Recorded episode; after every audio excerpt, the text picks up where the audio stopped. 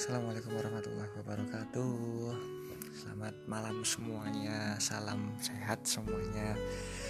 Oke malam ini malam hari ini saya akan sedikit membahas Tentang harapan. Dan seperti biasa Karena Saya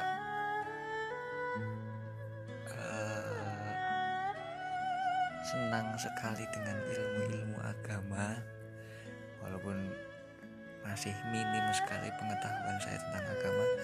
Nanti kan nanti akan saya sedikit selipkan tentang agama dalam podcast ini. Silahkan mendengarkan semoga bermanfaat. Saya akan mulai dengan sedikit kata-kata perintah yaitu jangan putus harapan kalau kamu percaya bahwa besok akan lebih baik dari hari ini, maka kamu akan bisa menanggung seberat apa pun hari ini.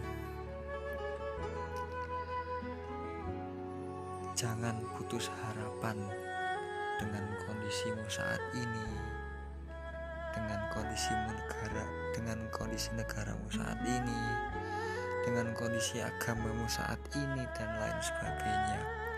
Orang-orang yang tidak pernah putus harapan, hidupnya enak. Kenapa?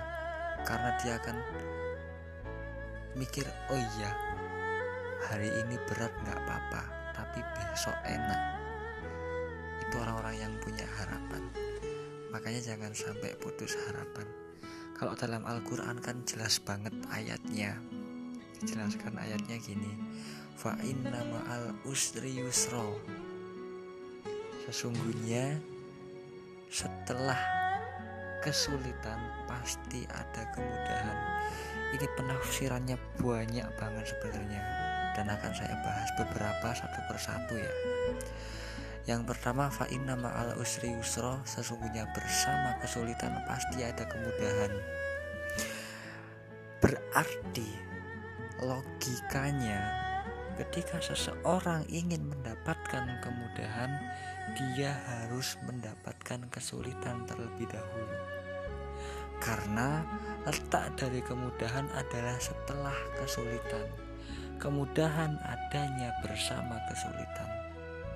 Fa inna ma'al usri usro sesungguhnya bersama kesulitan pasti ada kemudahan kalau kamu hari ini menuntut kemudahan, maka kamu hari ini juga harus mendapatkan kesulitan. That's logic menurut saya. Dan gini, sulit dan mudah itu kan padanan, itu kan lawan kata yang tidak bisa dihilangkan satunya. Kayak baik dan buruk. Ketika baik dihilangkan, maka nggak ada kata buruk sama ketika kata buruk juga dihilangkan maka nggak ada kata baik. Karena itu padanan dan semuanya itu pasti ada. Kalau nggak ada kebaikan berarti nggak ada keburukan. Sama. Kalau nggak ada kemudahan berarti nggak ada kesulitan berarti logikanya ketika kamu mendapatkan kesulitan berarti kamu pernah mendapatkan kemudahan atau sebaliknya, ketika kamu sekarang mendapatkan kemudahan berarti dulu kamu pernah mendapatkan kesulitan. That's logic. Ayo berpikir, berpikir positif.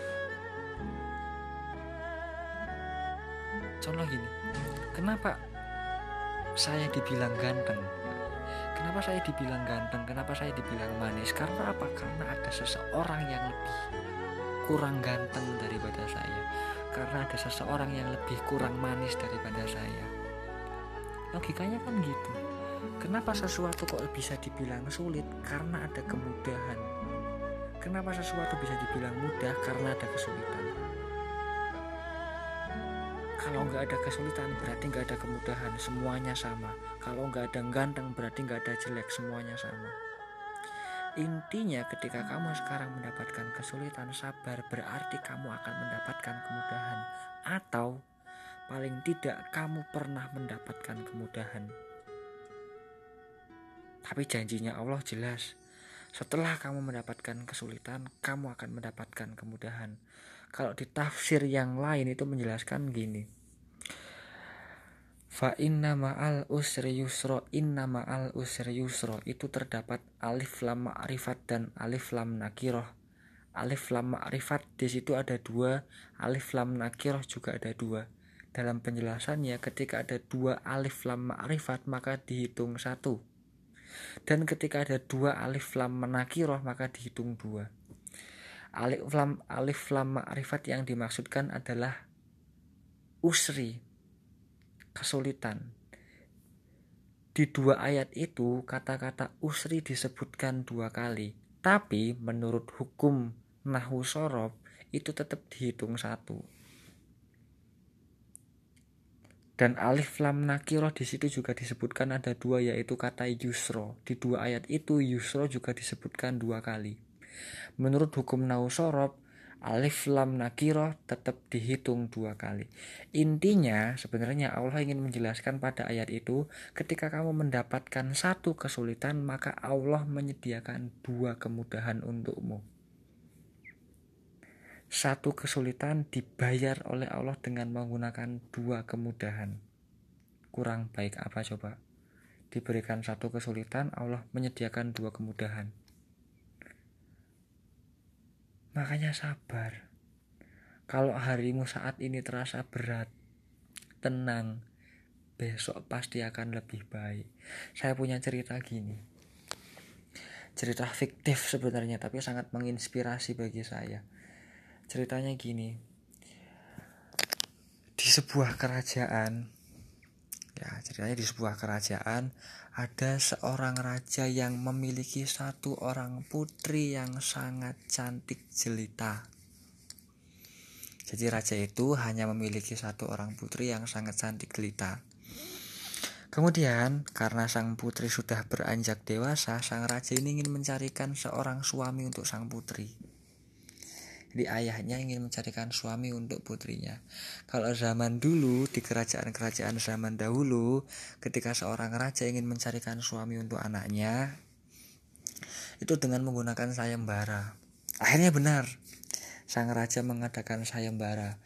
Bagi laki-laki yang ingin menikahi putriku dan nantinya akan mendapatkan warisan kerajaanku akan menjadi penerus tahta kerajaanku maka hadirilah kerajaan pada hari Minggu katakanlah.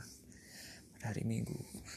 Diumumkan ke seluruh pelosok desa ke seluruh penjuru negeri diumumkan semua. Akhirnya benar. Ketika hari Minggu telah tiba semua pemuda-pemuda yang sudah siap nikah mendatangi kerajaan. Dan mereka dengan penuh semangat karena mereka mengetahui bahwa sang putri sangat cantik dan dia nantinya akan mendapatkan penerus tahta kerajaan ketika dia berhasil memenangkan sayembara tersebut. Karena benar mereka semua berkumpul, sang raja berdiri di atas panggungnya dan mengumumkan apa sih isi dari sayembara tersebut.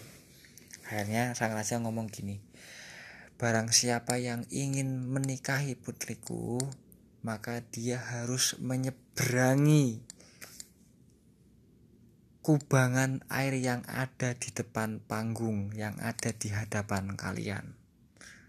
Jadi kalian kalau mau menikah sama istriku kalian harus berenang menyeberangi kubangan air tersebut. Wah, karena terdengar sangat mudah, pemuda-pemuda tersebut sangat berantusias semangat banget mereka buat mengikuti sayembara itu. Langsung ada yang copot baju copot celana dan lain sebagainya. Siap terjun ke kubangan air untuk nyebrang dengan cara berenang. Akhirnya benar. Tot. kemudian sang raja melanjutkan melanjutkan ucapannya.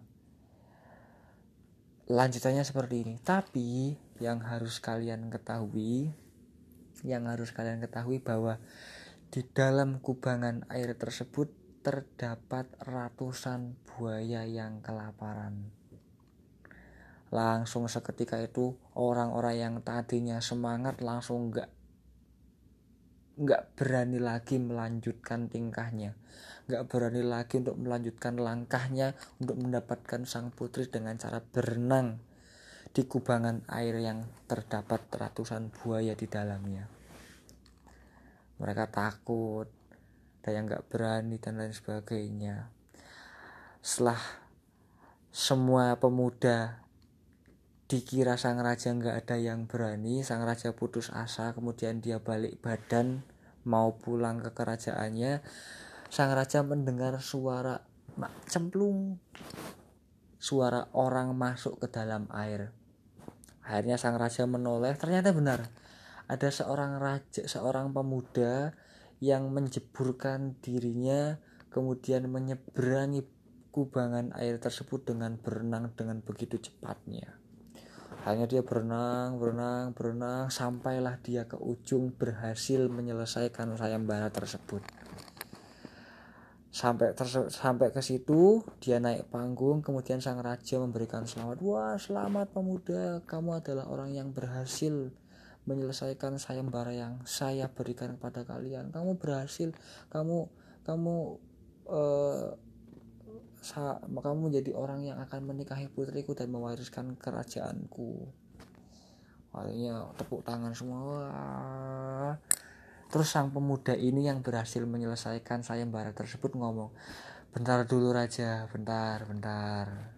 Ini bukan perkara saya berhasil atau tidak Tadi saya jebur ke kolam itu bukan karena saya yang pengen tapi tadi ada yang dorong saya kemudian saya terjebur.